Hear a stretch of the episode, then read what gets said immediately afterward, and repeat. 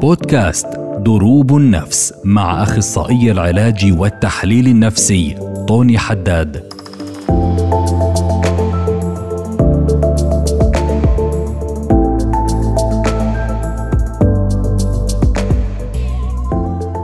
أهلا وسهلا فيكم في حلقة جديدة من بودكاست دروب النفس مع المعالج والمحلل النفسي طوني حداد. ومثل في كل عام في شهر آذار بيصادف يوم المرأة العالمي في الثامن من آذار وهو يوم اللي بينادي بالمساواة والحقوق للنساء وأيضا بيدعي للنضال لتحقيق العدل والسلام والتطور. وبهالمناسبة نستضيف اليوم معالجة نفسية ومركزة مشروع علم النفس التحرري في مركز مدى الكرمل السيدة إيناس عودي حج. أهلا وسهلا فيك إيناس. أهلين توني آه، شكرا لك وشكرا على الاستضافة. يعني يوم المرأة هو يعني مش يوم احتفالي بس من شد على أيديها على المسافة اللي قطعتها والمسافة اللي بعد عليها تقطعها وإن شاء الله أنه يعني بتستمر في النضال تبعها لقدام. إيناس بادئا حبيت نحكي شوي عن واقع النساء الفلسطينيات. واقع النساء الفلسطينيات اولا فيه جانب اللي هو مشترك مع واقع النساء بشكل عام اللي هن زي ما حكت لي وحدة من المتعالجات آه، عندي بالعيادة قالت لي أنا بصارع على كذا جبهة. يعني واقع النساء هو واقع صعب بكل الأعمال اللي بتقوم فيها في المنزل وخارج المنزل ولكن في جزء آه، خاص طبعا للنساء الفلسطينيات اللي بنشوف إنه وضعهن أصعب. لما بناخذ السياق العام اللي بتعيش فيه النساء الفلسطينيات من ناحية الوضع السياسي والاجتماعي من انعدام الأمن والأمان من الفقر والبطالة وبنفس الوقت من القمع المجتمعي اللي كمان آه، بتعيشه المرأة الفلسطينية. ف يعني بالتأكيد هذا بترك أثاره على الصحة النفسية للنساء واللي مهم كمان إنه المجتمع يعرفه إنه هذا كمان بترك تأثيره على المجتمع ككل. لما إحنا في عنا تعال نقول وضعية اللي فيها الرجل هو المهيمن أو المسيطر في مجتمع اللي هو ذكوري فلأي مستوى برأيك ممكن الواحد يقدر يساوي تغيير كون الرجل هو في عنده المميزات إنه ما يعرفش إنه ما يسمعش إنه ما يبذل مجهود لصالح تطوير المجتمع لأنه هو بنفسه طبعا إحنا بنحكي بشكل عام وعن منظومة اجتماعية لما هو بنفسه مرتاح فليش يعمل تغيير ويساوي تغيير؟ صح إنه هو صاحب الامتيازات مش من مصلحته إنه يتنازل عن امتيازاته لأنه موجود بوضع يعني مريح. بس من الشغلات اللي ممكن نلفت نظر لإلها هو إنه بهاي الامتيازات في طرف آخر عمليا عم بيعاني وبالمعاناة هاي هو كمان كصاحب امتيازات بدون ما يكون واعي هو كمان متضرر بمحل معين هو كشخص هو كعائلة هو كمجتمع. فصحيح مش هوين صاحب الامتيازات يتنازل عنها بس مهم تفهموا شو الثمن تبع هاي الامتيازات. وعشان هيك إحنا بنهتم نحكي عن هاي الشغلات. دائما كنت أفكر إنه واو قديش الامرأة محظوظة. بتعبر عن مشاعرها بحرية وبنفس الوقت قديش الرجل بحد ذاته هو مقموع إنه بيقدرش يعبر عن مشاعره. طبعا الأغلبية مش واعيين لهذا الشيء يعني كونك معالجة نفسية أنا معالج نفسي طبعا مفهوم الشيء هذا هون. كثير مرات بيكون في صعوبة كبيرة جدا على الرجال يتوجهوا لعلاج وبالتالي هذا جزء من المنظومة اللي هي بتقمعهم أنفسهم بأنفسهم اللي هون كمان لهم دور جدا كبير بأنهم يبنوها. 100% المنظومة الذكورية مش بس بتقمع النساء بتقمع الرجال كمان. طبعا. والرجال آه، يعني لما بيجوا هذا كمان من مميزات العلاج النفسي وهذا يعني علاج إذا بدك بمنظور تحرري نسوي اللي هو كمان بعطي حيز آمن وهيك مغلق يعني ديسكريت للرجل إنه يطلع كل يعني مركبات كينونته بما فيها يعني مشاعر اللي بشجعوش دايما المجتمع المحيط إنه يطلعها. فهذا كمان تحرير لإله من هاي المنظومة القامعة ولو بشكل لحظي يعني ولو بشكل آني يعني بالغرفة. بس فكر إنه هذا بيكون تدريب إنه كمان منيح لإله للخارج كمان. كل العلاجات النفسية بشتى أنواعها بتطمح إنه الفرد أيا كان رجل امرأة إنه يكون مرتاح ويقدر يحرر كامل داخله زي ما بيقولوا من خلال نعطي أمان نعطي السريه من خلال تحرير اللقاء من موازين القوى الموجودة. هو كل علاج نفسي هدفه هو تحرير الإنسان الشخص مش مهم إذا كانوا رجل ولا مرأة من معاناة اللي هو موجود فيها اللي بتخليه حاسس حاله في موقع دوني يمكن شوي. نعم. وبالعلاج إحنا بنحاول نساعده إنه يتحرر من هذا الموقع. ولكن علم النفس التحرري بشكل خاص اللي بيميزه هو إنه بتعدى الجانب الفردي تبع المعاناة النفسية. ما بقلل من قيمتها ولكنه بحط وزن للسياق الاجتماعي السياسي اللي بيعيش فيه الفرد. وفي النهاية إحنا كلياتنا حتى كأفراد وبالعلاج الفرداني اللي إحنا بنعمله وأنا بعمل علاج فرداني ولكن إحنا كلياتنا جزء من مجتمع. فيش حدا اللي هو معزول يعني كفرد. فدايما السياق الاجتماعي والسياسي في له تأثير على الفرد خصوصا لما في مجتمعات مستعمرة مقموعة بتعاني من مباني ظلم وقهر. حتى مرات الفرد بذوبتها لأنه خلص يعني تعود عليها كبر في داخلها عاش معها. مش دايما بيكون واعي لإلها. دورنا كمعالجين كمان إنه نحط هذا السياق حتى بالعلاج الفردي. حتى هقول للفرد صعوبتك مش نابعة من فشلك الذاتي وإنما الصعوبة هاي هي لأنك أنت جزء من سياق فيه مباني قوى تتقاطع مع بعضها عشان تقمعك كفرد يعني كرجل نعم.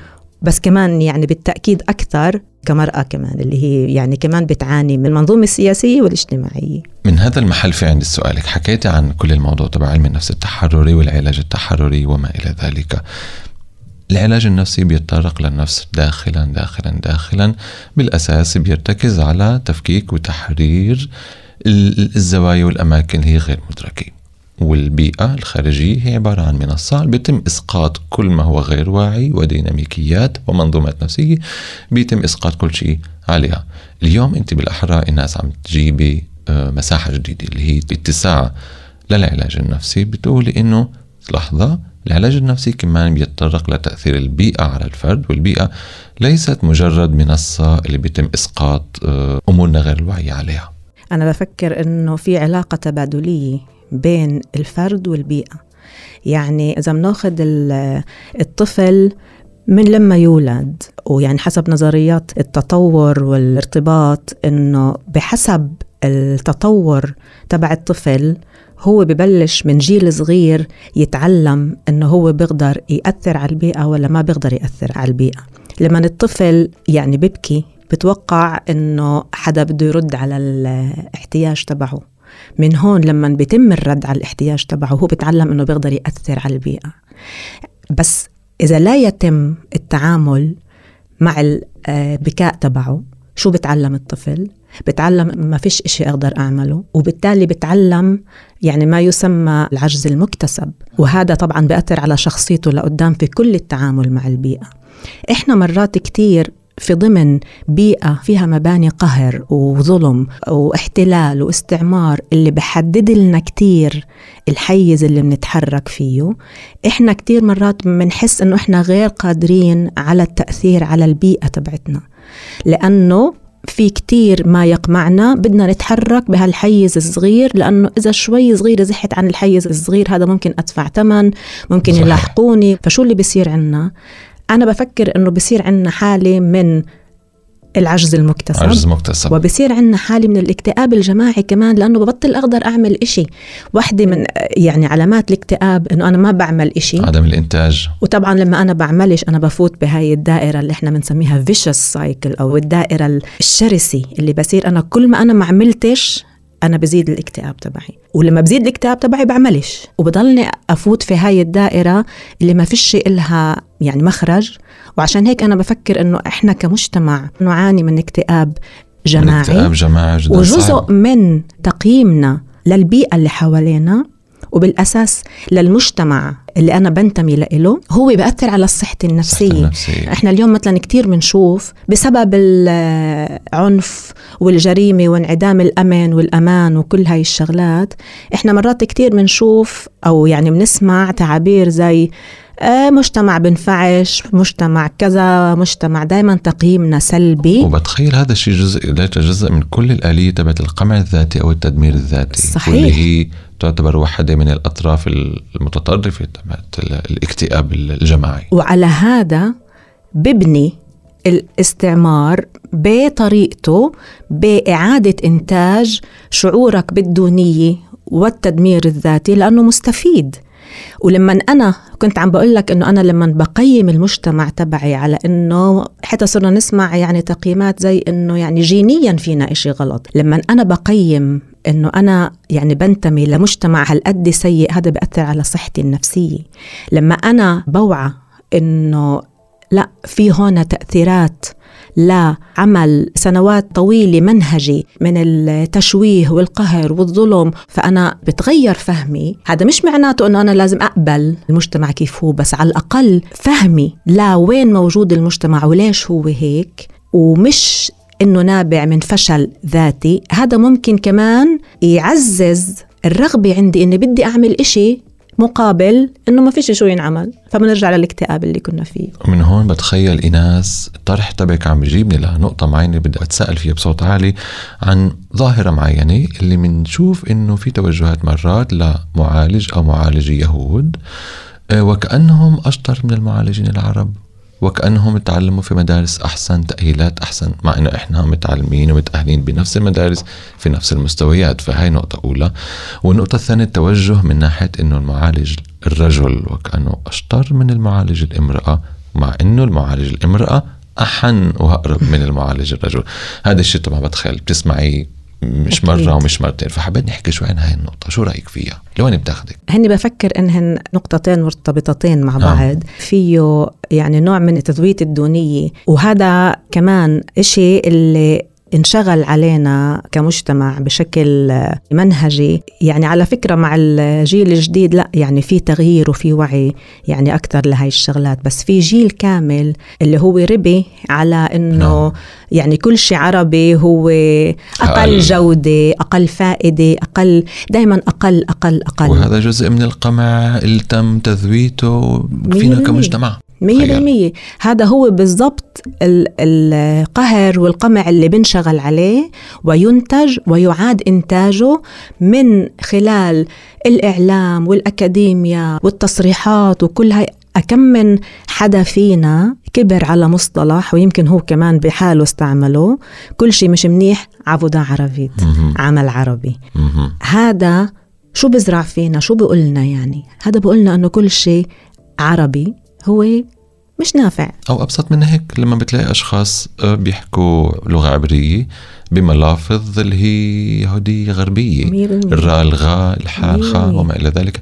هي أمور هي كثير صغيرة إحنا ما بننتبه لها ولكنها بتأشر على أشياء اللي هي نعم كثير وهذا اللي سماه آه، فانون اللي هو التماهي مع القامع. نعم. في محاولة منك إنك أنت يعني تكون مع الجزء اللي مقبول والجزء اللي مسيطر واللي عنده امتيازات بس اللي بيصير بهاي الحالات إنه لا جزء هداك بقبلك وأنت بتخسر حالك في مين أنت. فكل هاي الشغلات بيشتغل عليها على فكرة علم النفس التحرري عشان يوعي لهاي الشغلات. بتخيل هذا الشيء بشكل حتمي بيخليني أفكر في كل الموضوع تبع الاعتداءات الجنسية. لما إحنا بنحكي عن تماهي مع المعتدي لما إحنا بنحكي عن وضعية فيها الضحية إن كانت رجل أو كانت امرأة بيقوم أو بتقوم بممارسة آلية معينة من خلال أنه فرضها على حدا آخر شخص آخر إن كان بشكل فعلي أو بشكل نفسي أو ضد نفسه أو ضد نفسه.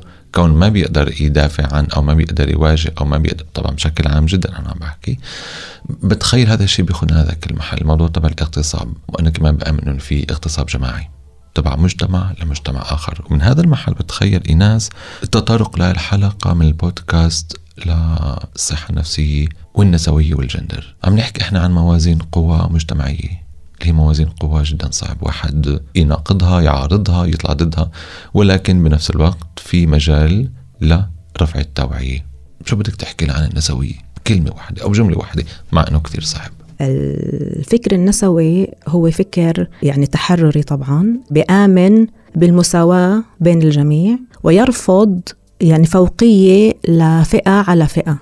وبالمناسبة يعني مرات كتير بفكروا إنه الفكر النسوي يعني يؤمن بفوقية النساء بالمرة هو لا يؤمن بفوقية النساء ولكنه بالضرورة يرفض فوقية الرجال. وبآمن بالمساواة هو نوع من بوصلة أخلاقية اللي بتقول يعني أنه الجميع لازم يكونوا متساويين بكل شيء بالحقوق وبالواجبات وأمام القانون وأمام المجتمع وأمام كل شيء. وبتخيل لما إحنا عم نحكي عن تغيير منظومة ذكورية اللي هي مهيمنة في كل محل فمرات كثير بنضطر إنه يكون في اكت أو فعل هو يكون واضح أو قوي أو مسموع. وبالتالي كثير مرات هذا الشيء بيتفسر وكأنه النساء أو النسويات يكرهون الرجال وكأنه ما في نسويين آه؟ صحيح. انه هون جدا مهم اللي أنت عم تحكيه بما معناه إنه هي لا تعني كراهية الرجال. ابدا. هي بالمرة لا تعني كراهية الرجال. يعني شكرا لك إنه ذكرت إنه في نسويين لأنه فعلا في نسويين وفي يعني مرات كثير لما إحنا بنفكر إنه في مثلا آه، توجه نسوي أو نشاط نسوي بنلاقي فيه نساء. بفكروا الرجال إنه هن خارج هذا النشاط ولكنه الفكر النسوي يعني هو لا يتبع للنساء فقط وإنما هو فكر, هو فكر. لأجل مجتمع أكثر عدالي وبالتالي يعني هو مفروض إنه بعطي جواب للرجال والنساء. والنساء على حد سواء. على حد سواء. والتنين على فكرة بيطلعوا كسبانين منه بإنه بيطلع يعني عندنا مجتمع صحي أكثر مبني أكثر على أسس عدالة ومساواة واللي هي هاي أساس للصحة النفسية للأفراد وللمجتمع. بتخيل إناس من هون أنا في عندي السؤال كوني أنا رجل محاور وكونك امرأة لأنا عم بحاورها. هالشي بخلنا على المحل تبع التأهيل تبعي. طب أنا تأهلت بمجال تبع التحليل النفسي. اليوم أنا بسأل نفسي أكم امرأة كانت قادرة تمر هذا المسار؟ من حيث القدرات الذكائية والعلاجية في ملان ملان معالجات الرائعات بس بتخيل كوني رجل إشي سهل علي إنه أنا يمكن من ناحية مادية ممكن أكون قوي أكثر من ناحية وقت ممكن أكون فاضي أكثر ما إلى ذلك. بتخيل حتى اليوم لما بطلع أنا على حالي في الإمكانيات المتاحة لعندي يمكن مش موجودة أو مش متاحة لكثير جدا يعني من النساء. وبالتالي أنا في عندي مميزات معينة اللي ساعدتني. صحيح ويعني هذا واقع موجود وبجيبني كمان أنا للتأهيل تبعي أنا بتذكر لما يعني فتت تخصص بالسايكوثيرابي أو العلاج النفسي وأنا يعني نعم. تخصصت بال بال CBT أو العلاج المعرفي السلوكي كانوا أولادي كبار شوي بس نعم. يعني طبعا في تحديات كتير كبيرة من ناحية البيت والشغل والأولاد والتكاليف وطبعا باخذ منها غير سنوات التعليم في تدريب اللي أنت كمان يعني لازم تمرق يعني ساعات يعني معينة من العلاج وهذا كله طبعا يعني مكلف ومكلف جدا ومش الكل بيقدر صحيح. عليه يعني طبعا كل حدا بيكون عنده تحديات بس النساء بشكل خاص بسبب الواقع الاجتماعي تبعهن. وإحنا كنساء يعني فلسطينيات كمان بسبب واقعنا الاجتماعي وكمان بسبب واقعنا الاقتصادي. يكون أصعب وأصعب. ومع ذلك يعني بتلاقي نساء اللي بتصر وبتتحدى برغم كل الصعوبات اللي موجودة فيها والهموم إذا بدك اللي حاملتها معاها من الحياة يعني اليومية والعائلية وبرضه يعني بتتوجه لمسارات من هالشكل مع إنها مسارات مش سهلة بالمرة. مسار التاهيلي للصحه النفسية للعلاج النفسي هو مسار جدا صعب، جدا مكلف وبحاجة لوقت ولا استثمار طاقة مجهود، بتخيل مش كل حدا بيقدر يفوت بهذا المسار، بالتالي هون بحد ذاته هذا المسار فيه كمان ميزان قوى معينة.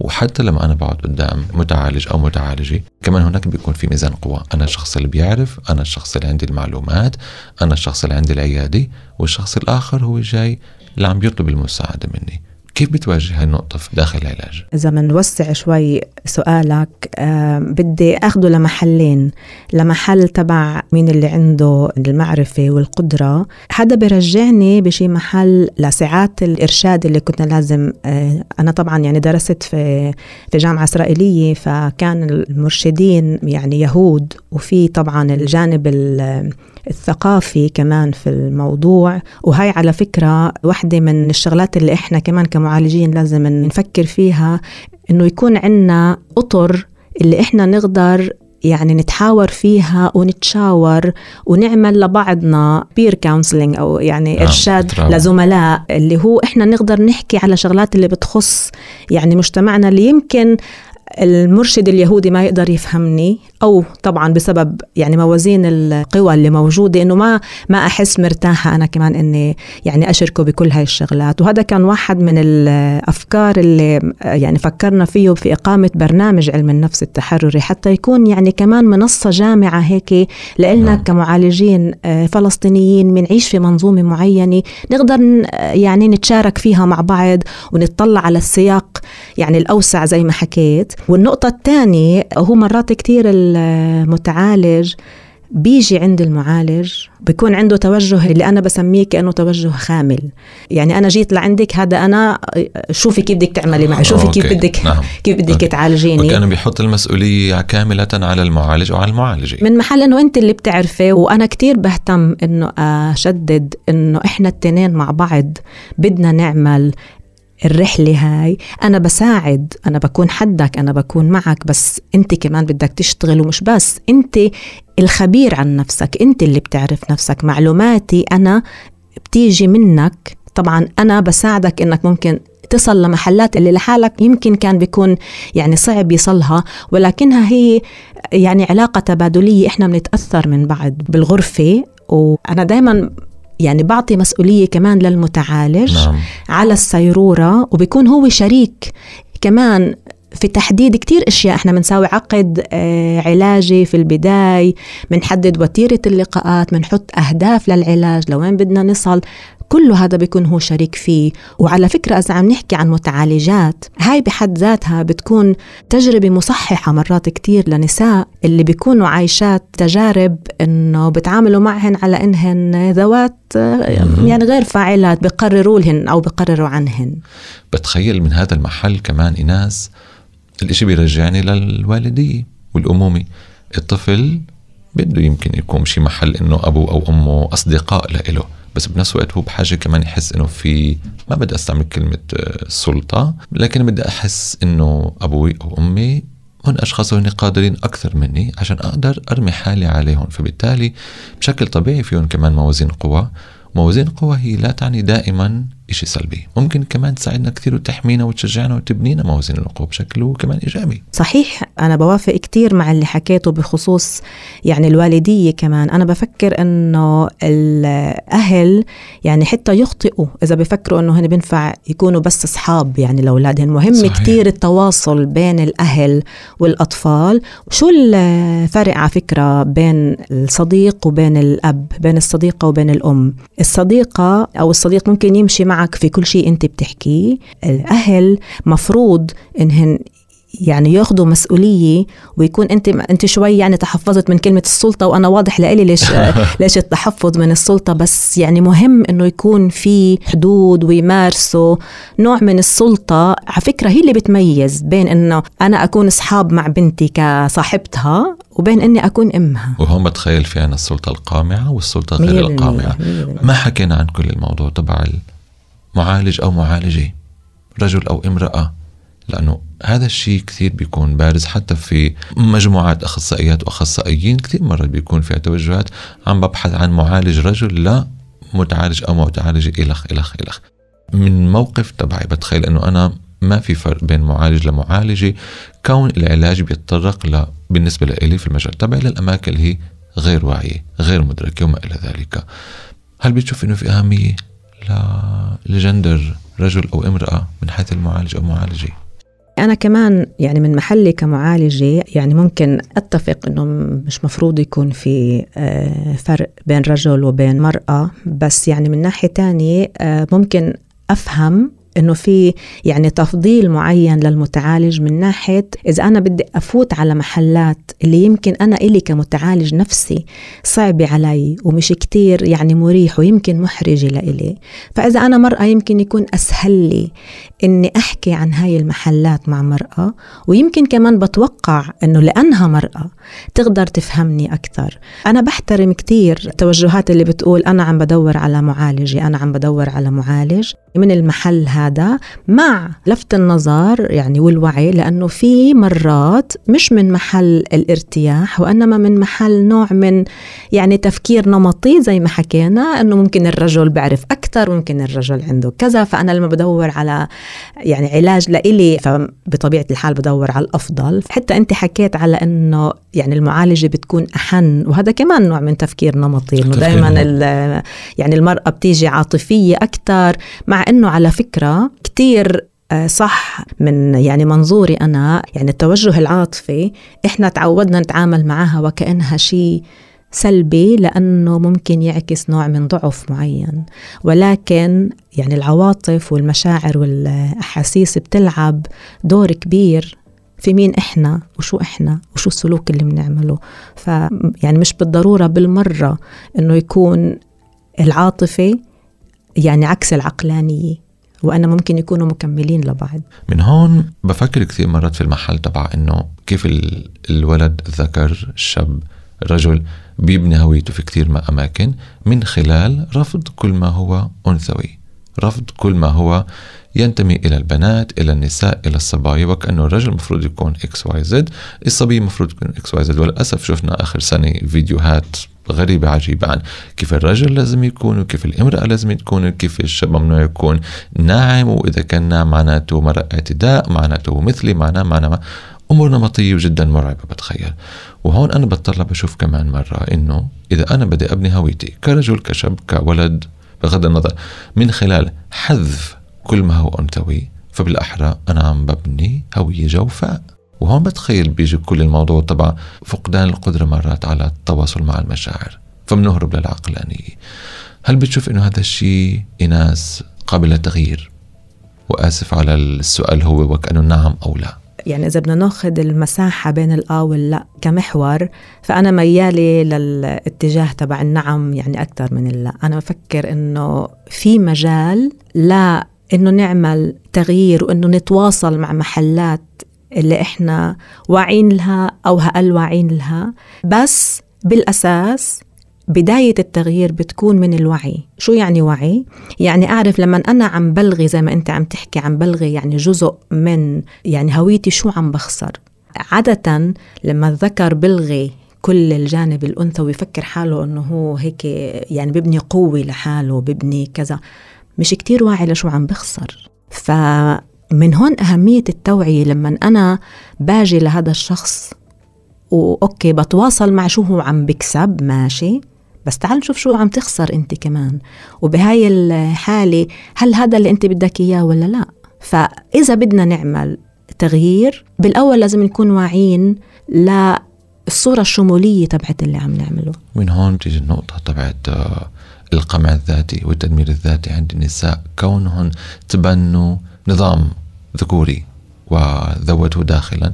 فحتى الامرأة بشكل وكأنه مفهوم ضمنا غير قادرة. بتشعر إنه هي غير قادرة لأنه الرجل اقوى بتخيل هاي المنظومة اللي موجودة في كل محل. ويعني هذا هو جزء من التذويت اللي بنعمله لكل المفاهيم اللي بتكون اللي إحنا بنكبر عليها. وما فيش شك إنه مرات يعني النساء تقمع النساء أكثر من ما الرجل يقمع النساء لأنه كمان يعني مرات النساء بتذوت مفاهيم تربى عليها وبتكبر عليها. وكمان مرة برجع بقول الطريقة للتعامل مع هاي هي التوعية والوعي لأي مفاهيم أنت ذوبتي وشو عم تعملي.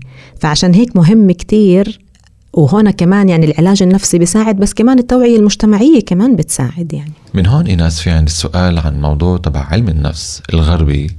كونه نشأ في الغرب وفي نوع من الإقصاء للشرق. ما بدي أخلق موازين قوة بين الغرب والشرق ولكن في إقصاء للمجتمع العربي أو لإلنا.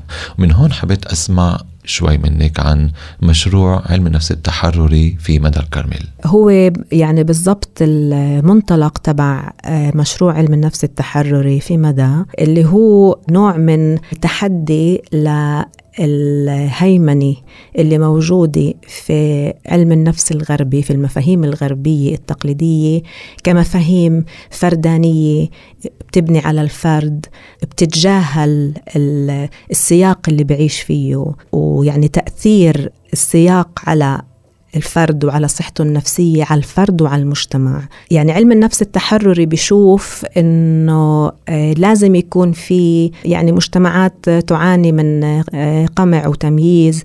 وكمان مجتمعات خلينا نسميها يعني جماعية تتصرف كمجموعة ومش بس كأفراد منعزلين. لازم يكون في سياق اللي هن عايشين فيه اللي إحنا مهم نشوفه لأنه هذا السياق يترك آثاره على الصحة النفسية للفرد وللمجتمع. وما بتطلع على الفرد على اللي عم بيعانيه من وجهة نظر آه، فردانية اللي هي على فكرة تفكير غربي عم بتغذيه حاليا كمان كل التفكير النيوليبرالي اللي بشجع إنه أنت تتميز كفرد وأنت تمشي كفرد وأنت تنجح كفرد بغض النظر عن المجموعة اللي تنتمي لإلها وخصوصيتها والسياق اللي أنت موجود فيه. وبصير هذا وكأنه إشي خفي غير مرئي لا نتعامل معه ولكنه يترك آثاره على كل جوانب آه، حياتنا بما فيها الصحة النفسية. يعني إذا بدي أعطيك مثال صغير بالفترة الأخيرة عم نسمع كتير على الزلازل والهزات وهذا عم بيعمل يعني عند الناس يمكن كتير حالات من الخوف والقلق. طيب يعني أنا إذا بيجي عندي متعالج الشكوى تبعته إنه عنده كتير مخاوف عم بتزيد وقلق بسبب إنه خايف من الهزات ومن كل هاي الشغلات. أنا بقدر أتعامل معه كأنه خوف فردي. ولكن إذا بدي أوسع النظرة أكثر أنا لازم أطلع على أنه هو بشوف حاله جزء من مجتمع متروك الدولة ما بتسأل عنه مش عم بتطور له مش عم تعطيه حلول بعرفش إذا كان يعني بيته بيت, بيت يعني آمن, آمن ولا مش آمن. قرانا مدننا هي بكل المحلات يعني بتطلع أنه هي أقل أمان. فأنت بدك تشوف السياق. اللي الحالة الفردية بتنشأ خلالها. إذا أنت بتطلع عليها بس من منطلق فرداني أنت يعني تخطئ الصورة العامة وبالتالي التدخل بيخطي جوانب معينة. وبتخيل من هون إحنا بنقدر نشوف إنه التحليل النفسي لما بلش بلش من خلال توجه فرداني وبيتم عزل الفرد عن البيئة لحد سنة 65 لما أجى دونالد وينيكوت وكتب مقال شهير وفيه كسر هذا المنظومة وقال إنه لا في تواصل ما بين العالم الداخلي والعالم الخارجي بتأثروا وبالتالي تم طرده من المؤتمر في نيويورك وتم بشي محل اضطهاده لدرجة أنه بعد بثلاث أسابيع ذبحة صدرية وتوفى مع أنه اليوم هو طلائعي بحيث أنه حط الأم كبيئة اولا وبادئا والشيء من هناك. بتخيل بلش يتطور كل ما علم الناس في مجالات اللي هي متسعة أكثر ما بيشوف الفرد بس كفرد منعزل عن البيئة إنما كمان. ايناس عودي يعطيك ألف عافية وشكرا لك على الحوار الشيق معك اليوم. وبتمنى لك كل التوفيق. شكرا كثير توني شكرا لك ممتع دايما الحوار معك ويعطيك ألف عافية. كنتم مع بودكاست دروب النفس مع أخصائي العلاج والتحليل النفسي طوني حداد.